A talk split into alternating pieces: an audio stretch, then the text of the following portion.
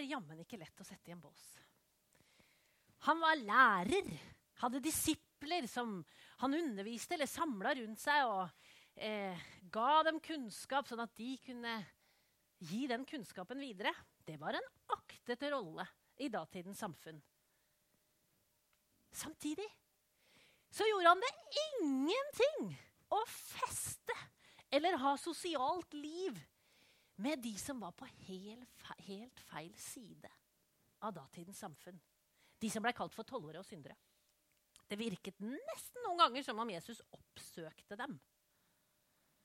Og selvfølgelig ble jo de noen av de mest trofaste tilhørerne når Jesus gikk rundt og snakka om Guds rike som var kommet til jord.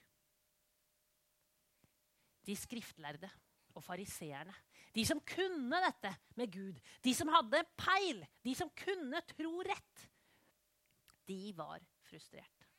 De var sinte på Jesus. Det går jo ikke an å være sammen med sånne mennesker. Da blir du jo på en måte en del av den synden som de bærer på. De var så frustrerte at de snakka sammen om hva de skulle gjøre for å få skikk på denne Jesus. Da fortalte Jesus disse skriftlærde og fariseerne, de rettroende, en fortelling. Eller en lignelse. En pappa hadde to sønner. Den yngste sønnen sa en dag, 'Pappa, gi meg min del av arven.'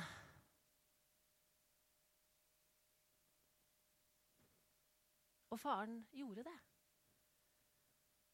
Han ga den yngste sønnen det han ba om. Skifta skjøte, eller skifta eiendommen mellom de to. Den yngste sønnen solgte unna sin del tok med seg alle pengene og reiste av gårde. Langt bort. Der sløste han bort hele arven i et vilt liv. Da pengene var ferdig brukt, kom det en dyp hungersnød over landet. Gutten begynte å lide nød. Han lette etter hjelp og fant til slutt en av innbyggerne i dette fremmede landet som eh, ga han jobb som grisepasser så kunne han i det minste spise seg mett på grisemat. For det var ingen som ga ham noe. Da kom han til seg selv og sa Til og med de som er innleid arbeidskraft på gården til min far, har det jo mye bedre enn det her. Jeg sulter jo nesten i hjel.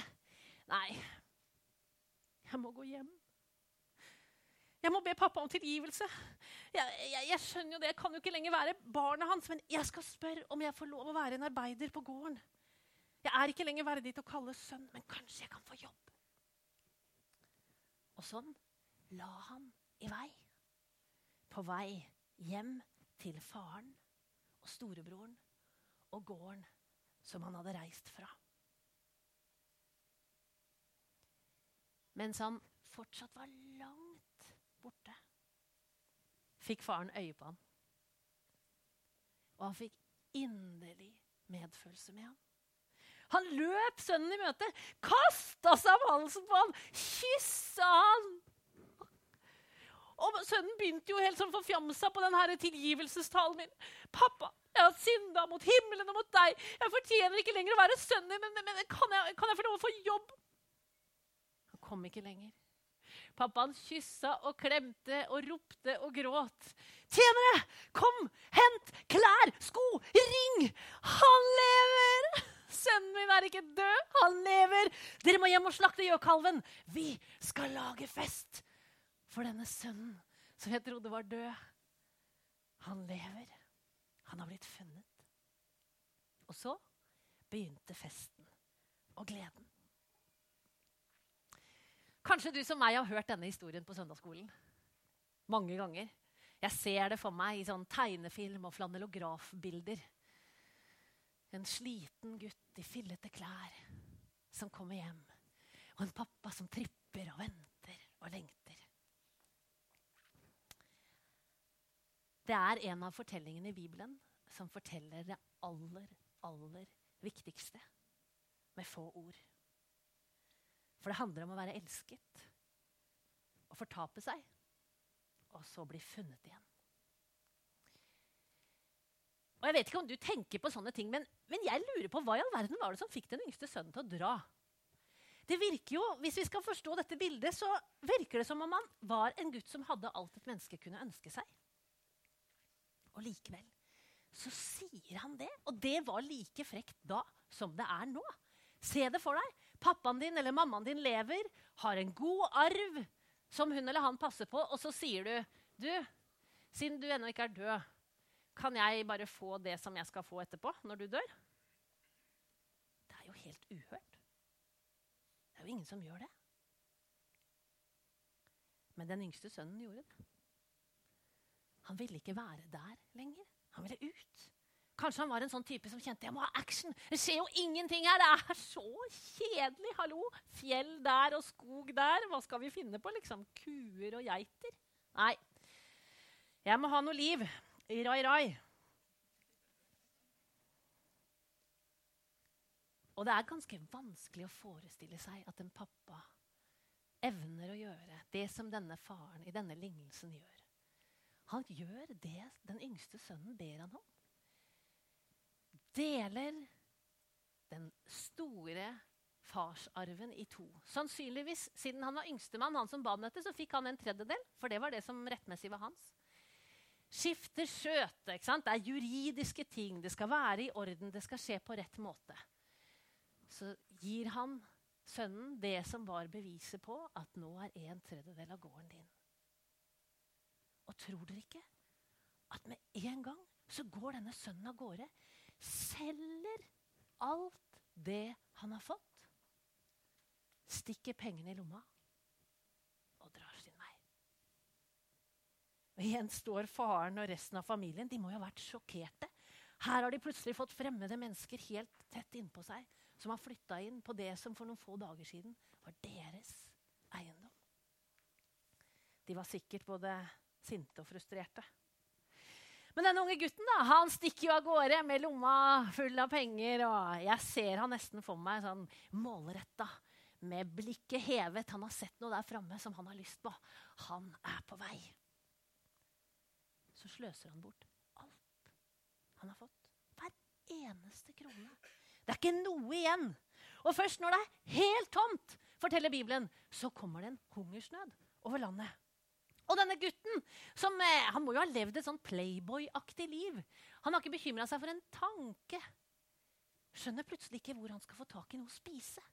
Han er på en måte fanga av noe av det vi først blir fanga av hvis vi opplever det. Han er sulten. Han har ikke mat. Han har ikke penger å kjøpe mat for, og det var ikke heller mat å kjøpe. Da begynner han å ta inn over seg alvoret i situasjonen. Det er ingen der. Ingen som kan hjelpe ham. Han er helt alene.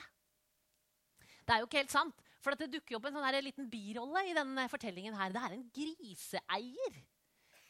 Og det var ikke veldig bra med gris på den tida der.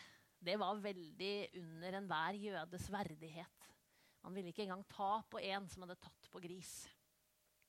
Men så sier altså denne mannen ja, du kan få jobb hos meg. Og den yngste sønnen tenker ja, da kan jeg iallfall spise det som grisene spiser. For ingen ga ham noe. Da kom han til seg selv, forteller Bibelen. I mange år så var jeg så heldig at jeg fikk lov å jobbe i Colombia. Og eh, dere har hørt at vi samler inn kollekt til Colombia. Til, no, til, en liten del av det store arbeidet som drives der. Og en annen del av det arbeidet det er at vi driver med å hjelpe rusmisbrukere. Å komme ut av rusmisbruket sitt. Og for det arbeidet så har de en sånn slags setning over eh, på en måte det de tror på. De tror på Jesus. De tror på håpet om muligheten for et nytt og bedre liv. Men så sier de at midt inni denne lignelsen så finner de det som de tror er viktig for at et menneske skal komme til seg selv. Og det er akkurat de veldig få ordene som sto. Ingen ga ham noe.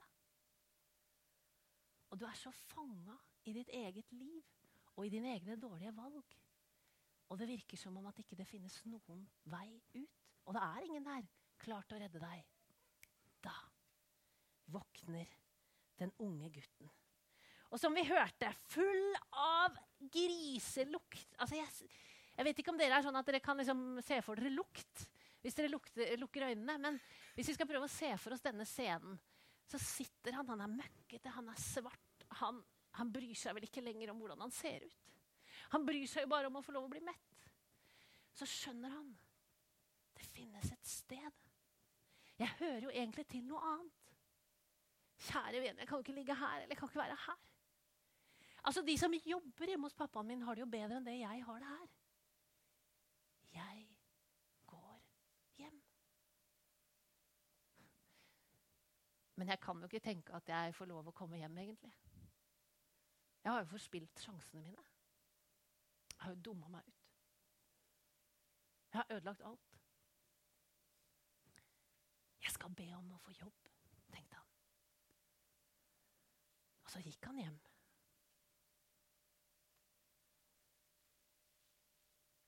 Og jeg ser ham for meg mens han pugger på talen sin. Pappa, jeg har synda mot himmelen og mot deg. Jeg fortjener ikke lenger å, å, å. Men det er jo ikke så viktig. Han får jo nesten ikke tid til å fortelle talen sin. For at i andre enden av den fortellingen så står det en far som ikke bare måtte dele gården sin i to, men som fikk revet hjertet sitt i to. Den dagen den yngste sønnen sa 'Her gidder ikke jeg å være'. Og det virker som om at hver eneste dag siden gutten har reist, så går han ut i døråpningen. Så speider han mot horisonten, og så tenker han Kommer du i dag? Husker du på meg? Vet du at jeg elsker deg ennå? Jeg har ikke glemt deg. Det er jo ikke tilfeldig at den dagen sønnen kommer, så står pappaen der. For han har stått der hver dag og lengta og håpt. Og jeg tenker det er vel nok av andre pappaer i den landsbygda som har sagt at du gidder. Kommer jo aldri tilbake. Sønnen din har jo fått smaken på noe helt annet. Det er bortkasta energi. Gå inn, gå hjem. Ta deg av resten av, av folka dine. Du må glemme han. Men Bibelen forteller om en pappa som ikke hører på sånne tanker eller sånne råd. For han venter. Og han vet at ingen skal ta fra meg håpet om at en eller annen liten kjærlighet er gjemt inni hjertet hans. Og når fortvilelsen blir stor nok, så husker han på det. Og det er en fantastisk scene. Jeg vet ikke om du ser det for deg. Og du har kanskje hørt Det altså det var jo helt uhørt for en mann av denne mannens verdighet å løpe. Sant? Og de gikk jo ikke med bukser. Altså, det var jo kjortler på kjortler, og var du rik, var det mange, og de var tunge. Og... Men sant? han bare tar altså Det er verre enn en bunad. Liksom. Han tar det opp, kaster seg i vei, løper av gårde, bryr seg ikke om hvordan han tar seg ut. Kaster seg om halsen på sønnen. Og kan ikke oppleve noe bedre. For nå har han kommet tilbake. og det skal de feire med fest og med glede. Det er en av de vakreste bildene på evangeliet. Det er en av de vakreste fortellingene, fortellingene om hvordan Gud elsker oss mennesker. Om vi så velger ham bort, om vi så ikke vil ha noe med han å gjøre, så står han og venter på oss. Og han kommer ikke til å slutte å vente.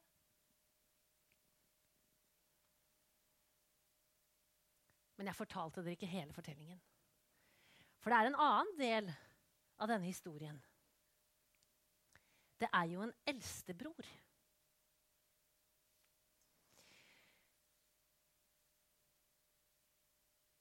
Kanskje har vi mest av alt hørt denne fortellingen og vært opptatt av den yngste broren som forvilla seg og blei borte og fant veien tilbake igjen. Men det finnes også en eldstebror i fortellingen. Og han blei værende hjemme på gården. Han gjorde alt som forventes av en storebror med en vill og gal yngre bror. Han var trofast, han var pliktoppfyllende, han var hardt arbeidende.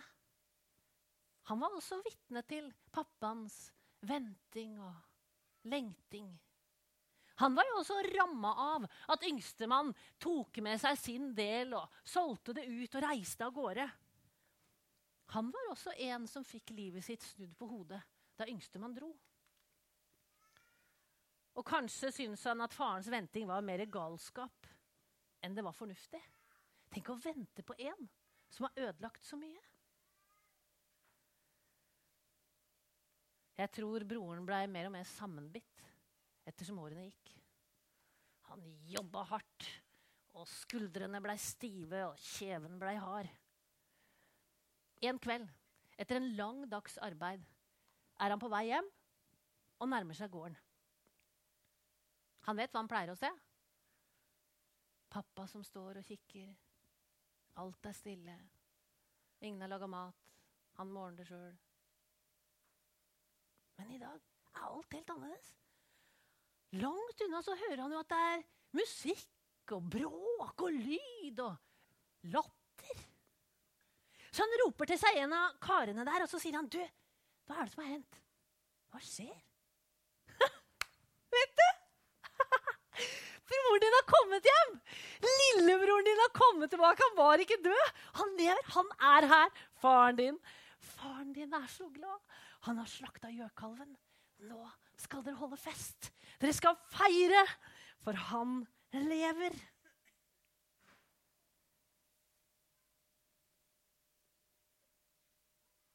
Da ble eldstebroren skikkelig sinna. Han ville ikke gå inn. Han ville ikke være med på festen. Han ville ikke være med i gleden. Han ble stående på utsiden så lenge at til slutt så kommer pappaen ut. Pappaen prøver å overtale ham om å bli med inn. Den eldste sønnen ville ikke høre et eneste ord av det faren sa. Her har jeg tjent deg i alle disse år. Jeg har jobba hardt hver eneste dag. Jeg har nesten ikke tatt ut ferie engang. Jeg har gjort alt du har bedt om, og enda mye mer. Og ikke har jeg gjort noe galt. Har du så mye som gitt meg et lite kje, så jeg kunne lage en fest? Nei. Jeg gidder ikke. Jeg vil ikke være med på det her. Her kommer han tilbake som har sløst bort pengene dine på horer, og du feirer det! Nei.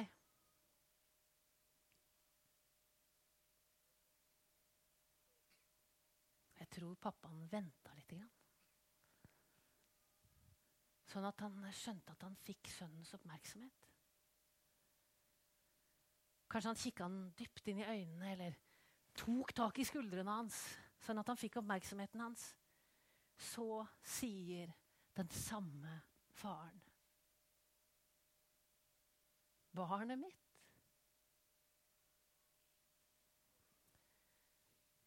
Alt mitt er jo ditt. Du er alltid hos meg. Men nå har jo han som vi trodde var død, kommet tilbake og lever. Det må vi feire. Barnet mitt.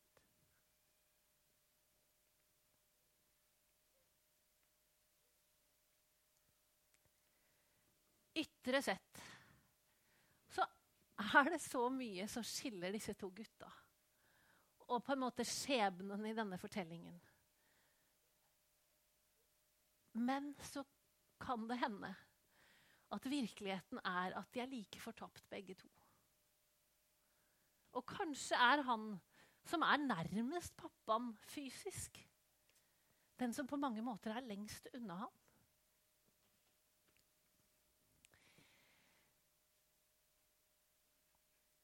Uansett så virker det som om at det er vanskelig for han å ta inn pappaens kjærlighet.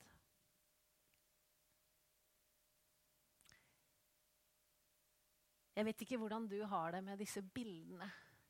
Men eh, For meg, Jeg har vokst opp i det kristne. Jeg har vært vant med det siden jeg var barn.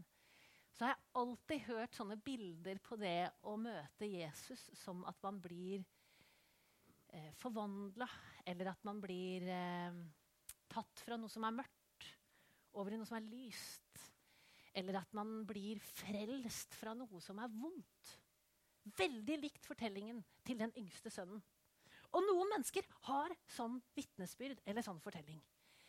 Som jeg sa, så bodde jeg mange år i Colombia, og da fikk jeg lov å se. Mennesker som virkelig hadde levd i mørket. Og de forteller noen vitnesbyrd som det er bare til å måpe av. De har kjent mørket inni seg, de har vært fortapt i mørket rundt seg. Og så har de opplevd at Jesus kommer og gir dem lys. Og noen ganger så har jeg tenkt at hm, Jesus, jeg vet jo nesten ikke helt sånn hva jeg er frelst fra. For jeg har egentlig ikke opplevelsen av at jeg er frelst fra noe. Jeg kan ikke si 'den gang da jeg var i verden'. Det var det en liten gutt på åtte år som sa på Esperanza-prosjektet en gang han skulle fortelle om da han hadde møtt Jesus. 'Den gang da jeg var i verden'.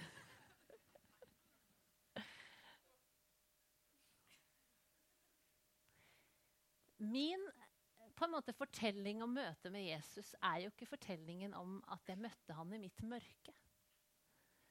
Men det jeg kjenner berører meg dypest med denne fortellingen, og som mange har vært opptatt av, og det er jo skrevet bøker om dette og holdt prekener opp og ned og i mente, det er jo hvordan denne eldste sønnen responderer på den kjærlige faren. Denne fortellingen har jo mange navn. Jeg vet ikke om du har hørt den. Det kan jo hete 'Den fortapte sønnen', 'Den bortkomne sønnen', 'Den kjærlige far' er det noen som har kalt den. 'Den fortapte sønnen vender hjem'. Og Jeg leste en artikkel i forbindelse med denne talen, og da sto det at jeg lurer på om det er sånne eldstebrødre som har laga det navnet 'Den fortapte sønnen' på denne fortellingen. For er det ikke sånn at den som er mest fortapt, det er han som er hjemme? Og Tim Keller, en kjent pastor og forfatter, han driver menigheter i New Yorks eh, beste urbane liv.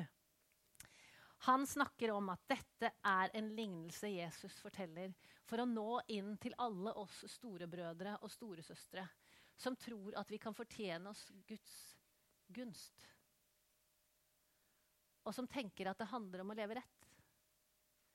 Og som gjør alt det vi skal gjøre for det er jo sånn vi får tilgang på arven fra faren vår. Og som kanskje aldri har vært så pøbel og vill og gal at vi reiste langt unna og gjorde ville og crazy ting, som den yngste gjorde. Og som også er noens livsfortelling. Og denne Tim Keller han sier begge vil jo egentlig ha det faren har. Begge er ute etter penga hans. Men de har veldig forskjellige metoder for å nå inn til dem. Og kanskje er det sånn at dypest sett så trenger begge to den fantastiske, kjærlige omfavnelsen, klemmen og nye begynnelsen som faren er veldig klar til å gi dem. Han venter jo bare på en anledning. Og den yngste sønnen, som har reist langt bort, og som har forvilla seg helt i sin egen dritt, skjønner jo at han har et problem. Og kanskje er noe av den store utfordringa at sønnen som er hjemme, han er ikke klar over at farens kjærlighet ikke får lov å nå inn i dypet av hans hjerte. Under overflaten er det lite forskjell på de to brødrene. De er like fortapt, og de er like i behov av den kjærlige fars møte.